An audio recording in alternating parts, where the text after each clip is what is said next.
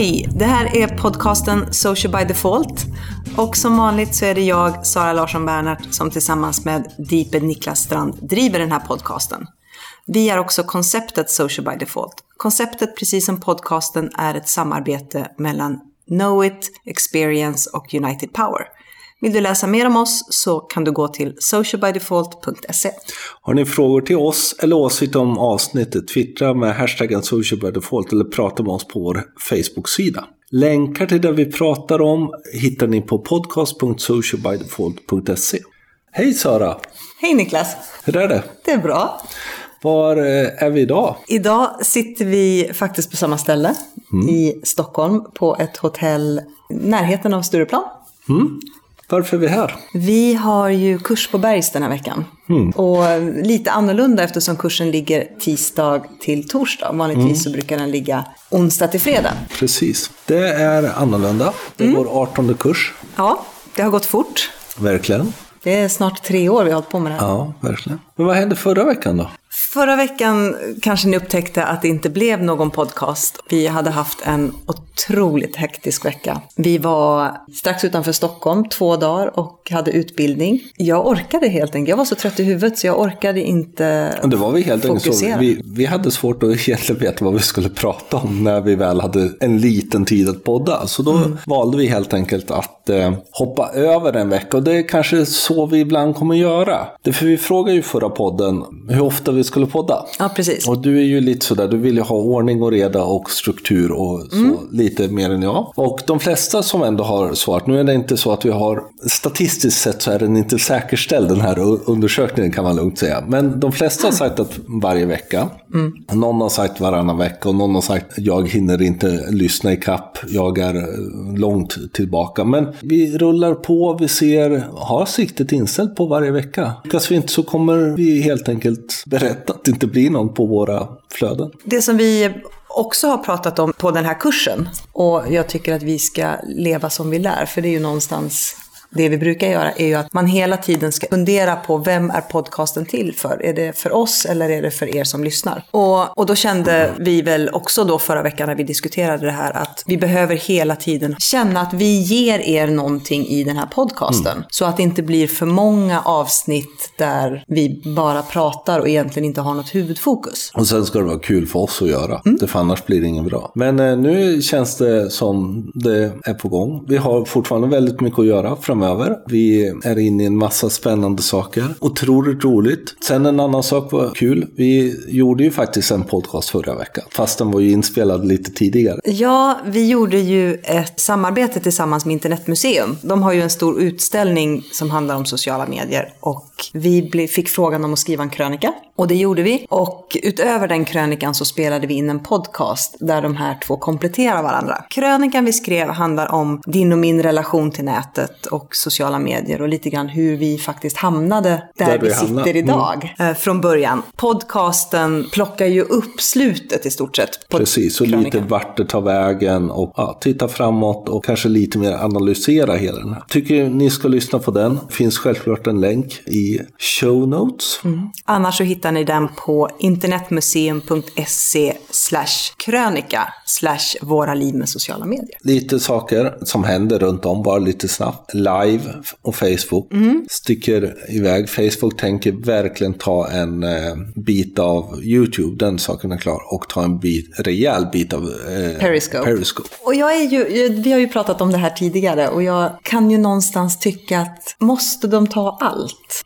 Jag gillar när det finns ett antal olika nätverk och där varje nätverk har sina styrkor. Och jag vet inte om det blir bra när allting bara gojsas ihop till ett. Ja, kanske. Alltså det, det som Facebook generellt gör, det, för det såg vi ju där de släppte på F8 här nu också, mm. där de släppte upp en plattform för Messenger som är helt enkelt att Messenger blir ännu mer standalone gentemot själva Facebook, men också en väldigt viktig del i kundrelationer och liknande. Så är ju någonstans att de vill ju bli en infrastruktur som vi brukar säga, en, verkligen en social infrastruktur och även en medieinfrastruktur genom då både då live, den nya video, helt enkelt att de kommer få betalt för videos man visar på Facebook och liknande. Och med hela kundtjänst. Så jag vet, jag, jag skrev för många år sedan att Facebook blir det nya internet och de mm. är ju på så sätt. Ja, och jag kan förstå att man bygger ut sin kundtjänstdel eftersom väldigt många företag finns där och vi vänder oss till de flödena väldigt ofta när det gäller kundtjänstfrågor. Så det blir en naturlig utveckling. Jag kan också förstå att de lägger kraft och energi och utveckling på Messenger för att det är trots allt en app med närmare en miljard användare. Så att det blir en utveckling att de hela tiden förfinar och förbättrar de här sakerna. Men att de sen ska försöka konkurrera ut YouTube med hela videovisningen, de ska försöka konkurrera ut Periscope med live. Mm. Kan man inte vara bra på det man är riktigt bra på och sen så låta andra nätverk faktiskt växa och utvecklas på sitt sätt? Mm. Jag, jag är lite dubbel mot det här, för jag, jag kan ju samtidigt säga att Facebook är så jäkla bra på att göra, göra det de gör och lite till.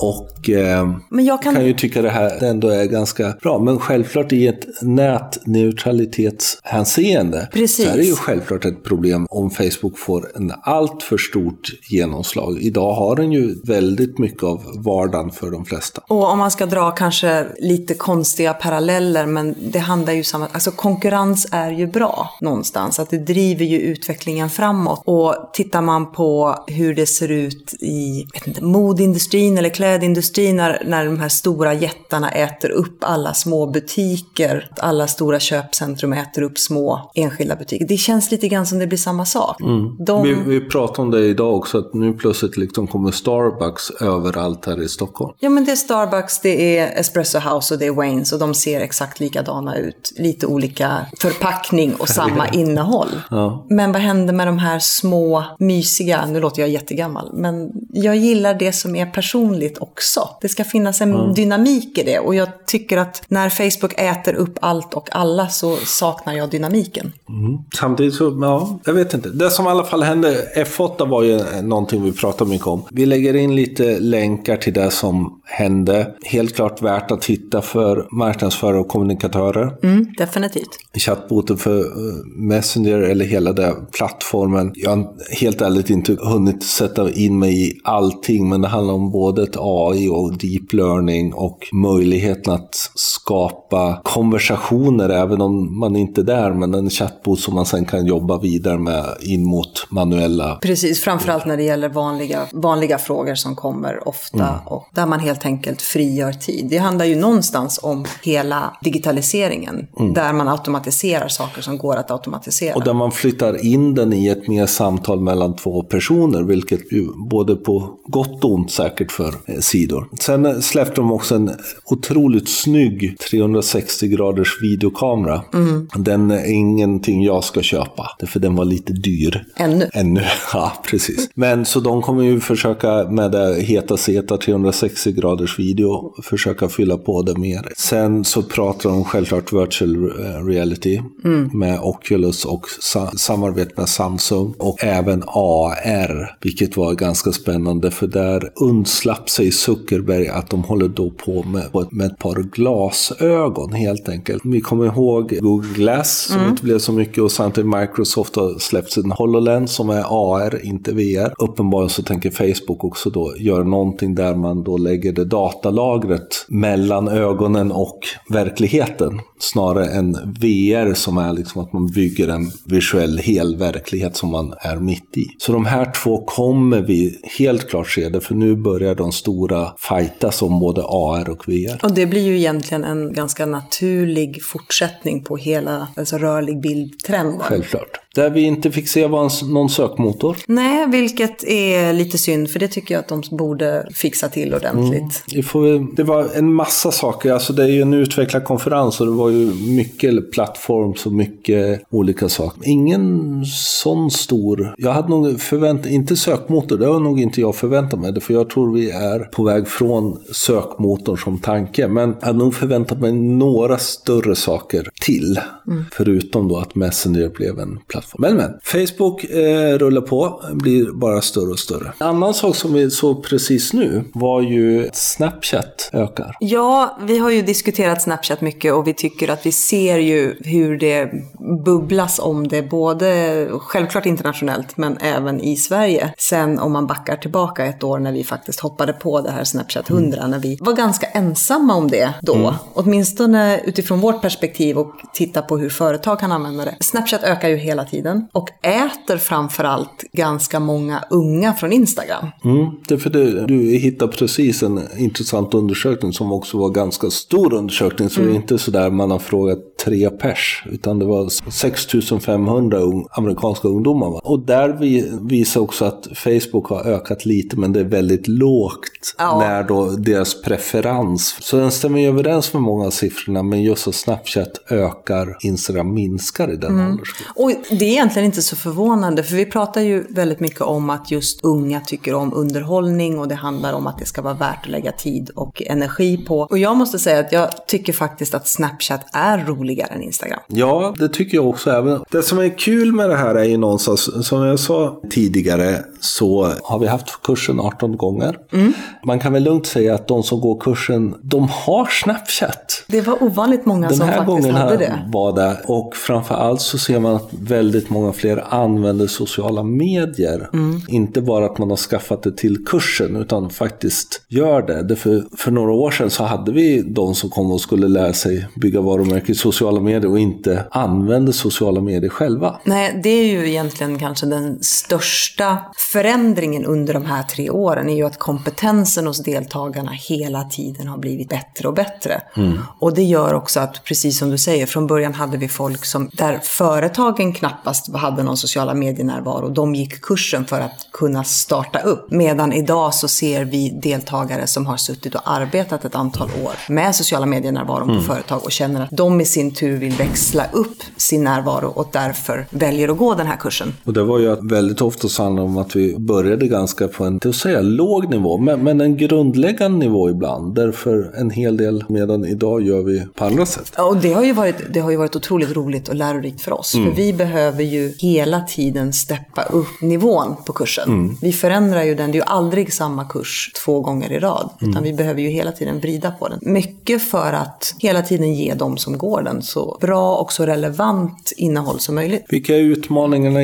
idag för många? För någonstans har vi ju nu haft väldigt mycket olika personer, olika segment och olika företag. Det de säger i alla fall som går kursen, eh, en av de största insikter som de tar med sig tillbaka som kanske egentligen känns som en självklarhet, det är just det här att, att det hela tiden är mottagarens behov som ska tillgodoses. Mm. Att man behöver vrida runt sin tanke om kommunikation och helt enkelt utgå ifrån behoven hos mottagaren och inte inifrån företaget. Nej, det är för fortfarande, och det har vi ju pratat väldigt mycket om den här kursen också, fortfarande är det väldigt lätt att hamna i ett, en känsla av att vara gammal reklam egentligen. Mm. Hur, hur man kommunicerar. Och det kan ju vara så att man gör sin kommunikation väldigt mycket som man alltid har gjort sin kommunikation och så lägger man den i sociala kanaler. Och så fastnar man någonstans där i ett inifrån och uttänk och inser inte att kanalerna har förändrats och framförallt våra förväntningar på innehåll i kanalerna har förändrats. Vilket gör att det som funkade för två år sedan funkar inte alls idag på samma sätt. Mm. Men sen har det ju hänt en del också när det gäller närvaron av branscher som är med på kursen. Ser vi skillnader? Är det likheter? Jag tycker att vi, om man ska titta tillbaka under de här tre åren, de här 18 kurserna, så känns det som att olika branscher har haft olika tidsinsteg när det gäller närvaron i sociala kanaler. Vi har ju haft väldigt tidigt och ganska lite förvånande så hade vi ganska mycket business to business i början. Mm. Sen hade vi en period när vi hade mer opinionsbildning, där vi hade en majoritet utav deltagarna från den typen av branscher. Mm. Och den här kursen har vi ju en hel del personliga varumärken. Ja, och en del offentlig sektor och så. Mm.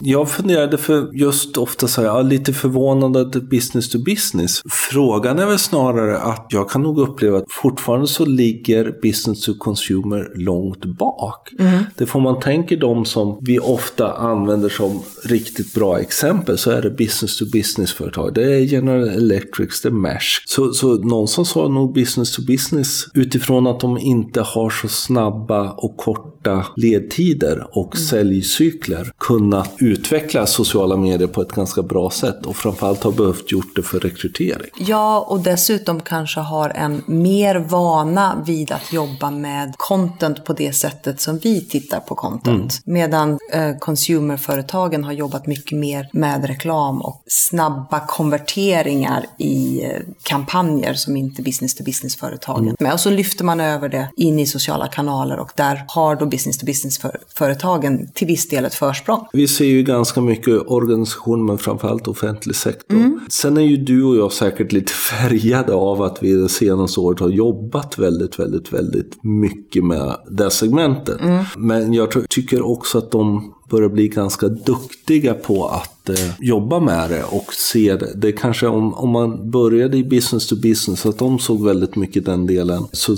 är det nu offentlig sektor så som inte heller har de här snabba, Nej. det här säljet, extrema kravet på snabba säljet som helt enkelt kan komma. Och helt enkelt att business to consumer kommer komma nu mm. lite mer. För vi har ju några som är consumerinriktade den här gången också som helt klart förhoppningsvis kommer lyfta sin kommunikation en bit. Ja, för, för tittar man på om man ser hur sociala medier har förändrats när det gäller interaktioner innehållsmässigt så har ju många utav consumerföretagen fortfarande haft råd att vara mera digitala anslagstavlor eftersom produkterna i mångt och mycket säljer sig själva. Men med tanke på att konkurrensen är högre, med tanke på att algoritmerna nu börjar gå in och slå ännu hårdare och hela tiden tvingas vi driva mot engagemang så krävs det ju faktiskt att man oavsett bransch egentligen, business to business, business to consumer, organisationer, vågar tänka på innehåll som går utanför kärnprodukten eller, eller the core business mm. för att hela tiden kunna leverera ett innehåll som driver mot engagemang och ger mig som mottagare nytta. Och jag tror, även om du och jag jobbar mycket med sociala mediestrategier som vi ju har utvecklat väldigt mycket, så tror jag att vi ganska snart framöver kommer att se hur sociala medier på riktigt blir en del av hela kommunikationskakan mm. och en del av kommunikationsstrategin. Och att man jobbar både integrerat och organiskt hållbart Precis. i det här. Och då blir det ju intressant att fundera, eh, hur kommer morgondagens hur? För den här gången har vi också pratat en hel del, för väldigt många men vi måste ju förändra vår organisation. Mm, och det blir det ju, för vi har ju haft en period när marknadsavdelningen sitter för sig och jobbar väldigt tätt mot reklambyråer och med en extern kommunikation som kanske är mer traditionell. Sen har vi haft IT-avdelningen som har suttit på sitt hörn och jobbat med webbplatsen väldigt mycket. Mm. Och sen så har vi haft en kommunikatör, informatör slash sociala medieansvarig som har suttit och dels uppdaterat webbsidorna lite grann men sen också haft ansvar för de sociala mm. kanalerna. Och det har väl kanske funkat okej okay fram till nu men för att få ett bättre flöde och för att få ett bättre innehåll så behöver man integrera åtminstone marknadsavdelningar, kommunikatörer, informatörer och sociala mm. medier på ett helt annat sätt. Och samtidigt så kan man också se att sociala medier är en ganska speciell form att jobba med genom att det handlar om att jobba hela tiden. Det är inte liksom ett start och ett stopp. Det Nej. är integrerat i så många andra delar av organisationen än bara marknadsföring. Så frågan är någonstans, när vi tittade här inför det här och så tittade vi, ja men just sociala mediejobb, finns det några sådana? Det är otroligt många jobb som innehåller mm. sökordet sociala medier. Det är mycket social media manager och social media analyst, så det är både det ena och det andra som söks efter. Så helt enkelt specialiseringen finns där. Och du och jag båda är ju liksom specialister på sociala sociala medier. Så frågan är framöver, hur är det så att eh, man behöver en sociala mediekommunikatör eller behöver man vara en kommunikatör som kan sociala medier? Oj, det är en jättesvår fråga. Det blir ju en mer och mer komplex tjänst och mer och mer svårt att sitta på den tjänsten själv. Så jag tror att en kombination utav det. Och sen tror jag att man behöver en stor portion nyfikenhet och passion för sociala medier. Mm. För att hela tiden kunna följa med i det som faktiskt är en ganska snabbutvecklande mm. teknik och bransch som hela tiden är föränderlig. Och helt enkelt då vara kommunikatör som kan det. Men samtidigt så är det ju också en specialisering. Många gånger kanske det räcker med att kunna det. Det vi tänkte, eftersom vi har då 12 stycken som faktiskt går kursen, så tänker vi att vi frågar dem om det här. Ska man vara sociala mediekommunikatör eller kommunikatör som kan sociala medier? Här är vad de svarade. Vad heter du? Katarina Österlund. Och jobbar? På PWC. Hur ser du på det här med sociala medier, specialist inom kommunikation eller mer generalister som kan sociala medier? Eh, jag tror att eh, de flesta kommunikatörerna hos oss bör kunna sociala medier. För att eh, vi har kommit igång rätt bra att använda sociala medier och vi ser en stor nytta med det. Eh, samtidigt så jobbar vi väldigt mycket med ren intern kommunikation hos oss. Och eh, där kanske man inte behöver kunna sociala medier på så sätt att man ska vara expert på det. Men jag tror att eh, det kan vara en stor fördel att många kan sociala medier. Varför behöver man inte vara, kunna sociala medier när man jobbar med intern kommunikation? Nej, det har du rätt i. Det, det, jag tror att man bör eh, jag tror att man behöver eh, kunna det, känna till det, men jag tror inte att man behöver vara den här experten, det är det jag menar. Men det ultimata är ju att ha både och. Alltså att alla kommunikatörer hos oss tycker jag bör känna till sociala medier. Och vi borde också ha en expert som kan eh, ja, se till att det blir den effekt vi vill ha helt enkelt. Att man kan jobba dedikerat med sociala medier från, från start till mål.